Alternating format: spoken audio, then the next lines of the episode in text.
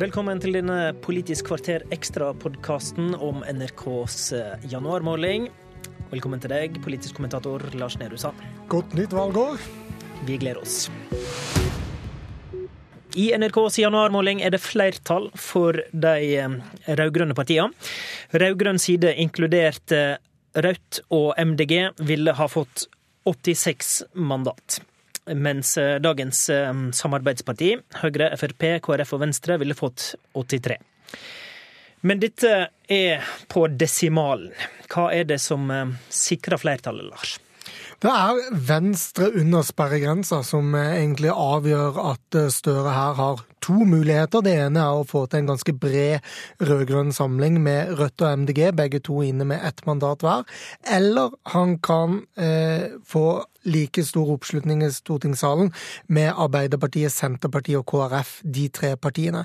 Eh, men alt dette skjer altså fordi Erna Solberg mister eh, flertallet sitt ved at Venstre her får 3,9 eh, og havner under sperregrensa og inne på Stortinget kun med Trine Skei Grande og Abid Raja.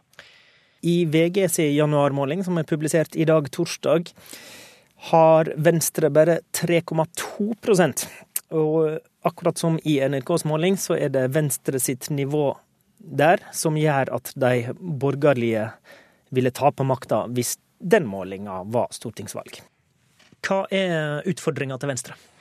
Utfordringen til Venstre er at de lekker ganske betydelig med velgere til eh, Arbeiderpartiet. Og de har eh, en lav mobilisering av sine velgere fra 2013 som ville stemt på Venstre igjen eh, om det var valg nå. Og det betyr at Begge disse to tingene bør jo være oppnåelig for Venstre i løpet av valgåret å få til, eh, for å da få de 3000, kanskje 5000 velgerne de trenger for å komme over sperregrensen igjen. Og Det viser jo hvor utrolig på marginen dette valget kan bli, og hvor avhengig de store er de små, mer enn sin egen suksess. Det er nesten sånn at vi litt tabloid kan si at Jonas Gahr Støre eh, må håpe på at Venstre gjør det dårlig, mm. vel så mye som at han bør håpe på at sitt eget Arbeiderparti gjør det bra. Ja, Tror du vi kan se at um, Arbeiderpartiet blir opptatt av Venstre i valgkampen da, for å, for å få dem under?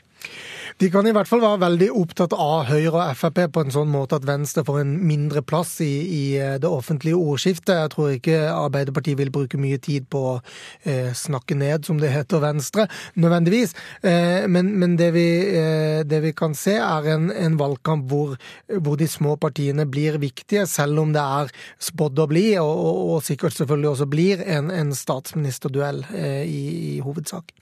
Nå kan vi jo ikke gå inn i hauda på velgerne ut fra tallene i en meningsmåling som vår, da, men la oss snakke litt om det likevel. Eh, fordi at du, du nevnte nå at eh, Venstre mista velgere til Ap. Men mens i den politiske debatten så framstår jo de som relativt tydelige motpoler, iallfall tidvis. Hva er det Støre lokker venstrevelgere med, da? Hvorfor ser vi de overgangene der?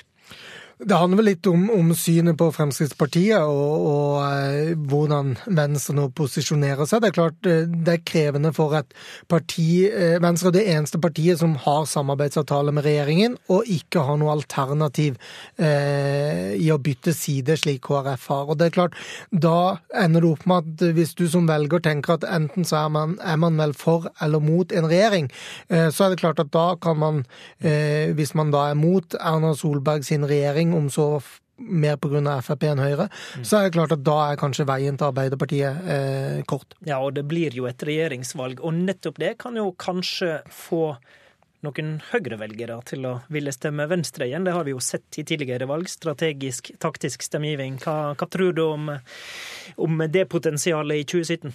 Det er selvfølgelig absolutt til stede, og, jeg tror det også gjør det vanskelig å spå utfallet av, av statsministerduellen og, og blokkdannelsen helt frem til den siste uka før, før eh, valget, eller valgdagen om så skal være. Fordi de som stemmer taktisk, vil gjerne eh, kanskje oppgi at de vil stemme på det partiet partiet de alltid har stemt på, f.eks. Høyre. Men hvis de på valgdagen føler at min stemme kanskje har, teller enda mer om jeg, jeg stemmer eh, Venstre, så, så, er det kanskje ikke noe de vil nødvendigvis si, men, men gjøre eh, i valglokalet. og Derfor så, så, er også verdien av, eh, av meningsmålingene vanskelig å, å, fange opp sånne eh, stemninger som, som, det er her. Vi skal legge merke til at SV kommer på eh, tredje, for tredje måned på rad over sperregrensa, og det er jo også med på å, å styrke da eh, Jonas Gahr Støre sin, sin sjanse. Eh, og hvis eh, altså Det som vil være veldig bra sett med Arbeiderpartiet i øynene, er jo hvis SV kommer over og Venstre under, som da sikrer de dette flertallet. Men heller ikke da blir det enkelt for, for Støre, ser vi, med to mulige svake flertall. Men eh, ja, la oss se mer på SV, for SV er jo på mange måter speilet av Venstre på rød-grønn side. Du sier de er over, ja, men de går eh, tilbake tilbake hos oss nå, og det er så vidt. De er på 4,1. Eh, det er den ene desimalen over som, som, Venstre er under, for å si det sånn. Eh, mens de var på 5% vel i vår forrige måling. Da så det litt bedre ut. Men um, hvor um, hvordan vil du skildre SVs situasjon, da? Eh, hvor, hvor, ille er de ute å kjøre? SVs situasjon tror jeg er helt og holdent avhengig på av at de eh, rekrutterer flere velgere som stemte Arbeiderpartiet sist, enn de mister tapet. Altså de går i positiv eh, velgerutveksling med, med Arbeiderpartiet. Og selvfølgelig må de eh, rekruttere Altså de må ha en betydelig lojalitet. Eh, så er nok SV i 2013 også et parti som fikk mange taktiske velgere. altså det er kanskje, kanskje en del som som, som, stemte SV sist, som nå vil stemme Arbeiderpartiet. Så det, det er jo hele tiden på marginer, og det er jo uansett sånn at, at SV eh, har et, eh, et, lavere nivå nå enn, en det de hadde de, de senere valgene. Eh, men, men det, er, eh, det, er, jo da eh, spørsmål om hvordan de kommer ut med, med, Arbeiderpartiet, og at Arbeiderpartiet egentlig bør si seg fornøyd med å tape velgere til SV, rett og slett fordi det hjelper den rød-grønne blokken. Hvordan kan vi se det det der i den politiske debatten framover, da, tror du? Det handler nok litt om at SV har et betydelig større politisk rom nå enn de hadde sist da de eh, satt i regjering, eh, eller i Stoltenberg-regjeringen. Nå har vi et SV som skiller seg fra Arbeiderpartiet i spørsmål om oljeleting utenfor Lofoten, eh, Vesterålen og Senja, f.eks. Vi har et SV som er mye tydeligere i skattepolitikken, f.eks. Og vi har et SV som i, i over tre og et halvt år ikke har vært det holdt på å si, halehenget til Arbeiderpartiet, for å si det litt stygt som, som eh, noen kanskje oppfatter de som etter åtte år sammen i, i, regjering. Og Det betyr at eh, SV har litt større handlingsrom, og dermed også bør være enklere for de å komme over sperregrensa enn det var i, for fire år siden. Vi får se om vi får øye på dem. Um, Arbeiderpartiet. Det er stor skilnad på Aps oppslutning hos um, TV 2 i målinga der i forgårs. Ehm, der de lå på 32,7, og hos oss i NRK der, de, der Ap nå går fram og har 36,1. Ehm, kan vi forklare dette, eller vet vi ikke helt? Det, det, er jo åpenbart at det er ulikt. 36,1 er det samme som Arbeiderpartiet hadde i, i uh, desember, i snitt av målingene da. Uh, så jeg tror det er åpenbart sånn at Arbeiderpartiet ligger rundt 35 uh, eh, et eller annet sted. Det vi uansett kan lese ut av dette, er at Arbeiderpartiet nå lykkes fordi de rekrutterer fra to steder som jeg vil trekke frem spesielt, i tillegg til at de har høy lojalitet. De rekrutterer velgere fra begge regjeringspartier parti, og det er bra av to grunner. Det ene er at det flytter velgere over blokken. Arbeiderpartiet går frem som følge av det, og, og Høyre og Frp taper velgere som følge av det. Det som er litt mer urovekkende, holdt jeg på å si, eller litt mer usikkert, for å si sånn, det er at Arbeiderpartiet rekrutterer mange velgere fra den gruppen velgere som ikke stemte sist. Eh, det er tre årskull med eh, folk som har blitt over 18 år siden sist, eh, men det er også velgere som, som da ikke nødvendigvis fant tid eller bestemte seg for å velge eller gå i stemmelokalet sist. Så det er en ja, usikker er det, velgergruppe. Er det problematisk?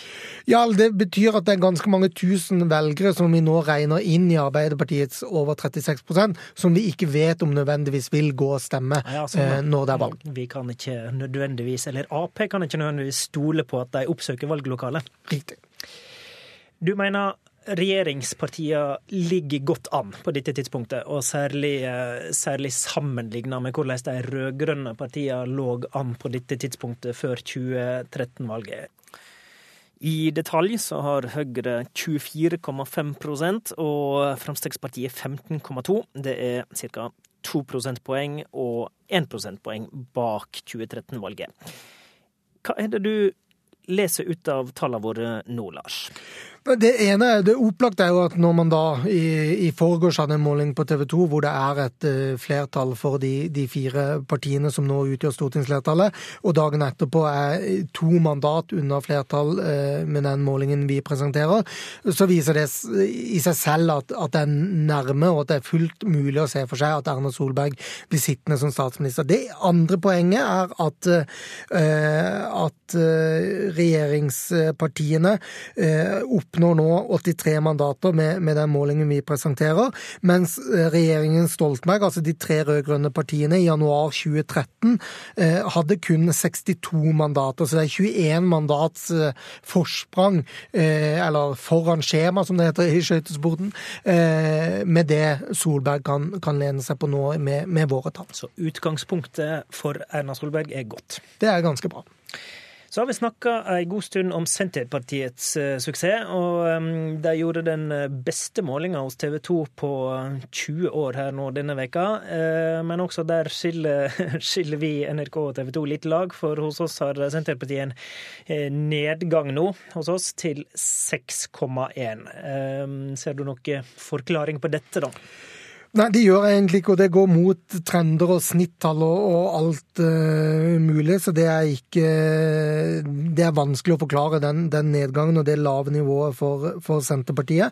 Uh, det vi kan legge merke til like fullt, er at de uh, ikke ikke avgir velgere til verken Høyre eller Arbeiderpartiet. Det betyr at eh, Senterpartivelgerne vil ikke ha de store styringspartiene eh, og går ikke dit. Eh, Det syns jeg er interessant, fordi det i nettopp den diskusjonen jeg vil si Senterpartiet har lyktes med å, å, å både dra opp og eie denne sentrum-periferi, så virker det som at velgerne er, står på, på partiets side da. De har i våre bakgrunnstall litt lavere lojalitet, litt høyere andel usikre velgere. Eh, så i den grad det er et eh, lavt nivå, så er det også sånn at det er fullt mulig å øke det eh, med den velgerbasen Senterpartiet har. Og det viser de også med, med gjennomsnitt av målinger, ikke minst andre enkeltmålinger, at, at Senterpartiet nok ligger høyere enn det vi, eller Norstat, måler dem til denne måneden.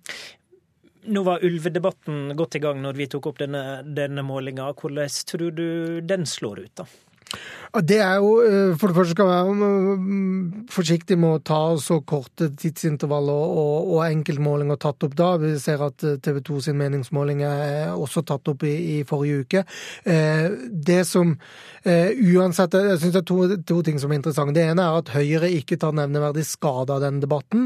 Jeg vet andre har pekt på at Høyre kanskje klarer å bre ut sin profil når de nå har både en, en distriktsvennlig stemme tydelig i eteren får vi si, og, og også en, en, en, stemme som står på, uh, på den ulveforvaltningen som da tilsier at man skal ha en levedyktig stamme i Norge. En, en intern krangel kan vise fram et partimangfold som de vinner stemmer på, rett og slett? Ja, eller i hvert fall ikke taper, da, åpenbart. Og, og det andre poenget er at, at man kunne se for seg at, at, Senterpartiet tjener veldig på dette, og det, det gjør det jo da til en viss grad på, på TV 2 sin måling, men, men ikke eh, nevneverdig her. Så det, det, er jo eh, kanskje først når vi ser januarsnittet mot desembersnittet at vi får noen tydelige svar på, på det. Da får vi også målinger tatt opp senere i, i måneden, som da tar i seg hele eh, hele denne uken med, med ulvedebatt sist. Men nå har jo Senterpartiet vokst uh, jevnt og trutt da, på mange målinger. Altså, det kan Definitivt. jo hende at de når toppen uh, snart, at vi skal justere litt inn hvor store Senterpartiet faktisk uh, er. Ja, det kan også godt være, men vi vet at Senterpartiet har for vane å gjøre bedre valg enn en meningsmålinger, så, så, at dette kan bli et godt år for eh, Vedum uansett, det, vi, det er for tidlig å, å legge den konklusjonen. Men 6,1 ligger de på i denne målinga fra NRK, altså. Da uh, var det siste vi ikke fikk nevnt, det var hvor har vi MDG i denne, i denne målinga vår? MDG sliter åpenbart med å ta det steget over, uh, over sperregrensen, og det ligger ikke an til at de, de gjør det denne måneden heller. De har ikke vært over sperregrensen på Norstat sine målinger siden februar, men de øker lojaliteten sin litt, så det er da noe, for å si det sånn. men men de er inne på Stortinget da fortsatt med det ene mandatet fra Oslo som Rasmus Hansson innehar nå, og som vel Una Aina Bostholm eh, er nominert til å, å skulle ha neste periode. Og KrF ligger om lag der de pleier å ligge. 5,1 er ei lita styrking fra desembermålinga vår. Takk til deg, politisk kommentator Lars Nehru Sand. Dette var en ekstra podkast fra Politisk kvarter som altså ikke går som vanlig radiosending, men kun som podkast. Politisk kvarter ellers hører du både som podkast og alle hverdager klokka 7.45 i Nyhetsmorgen på P2 og Alltid nyheter. Programleder her var Håvard Grønli.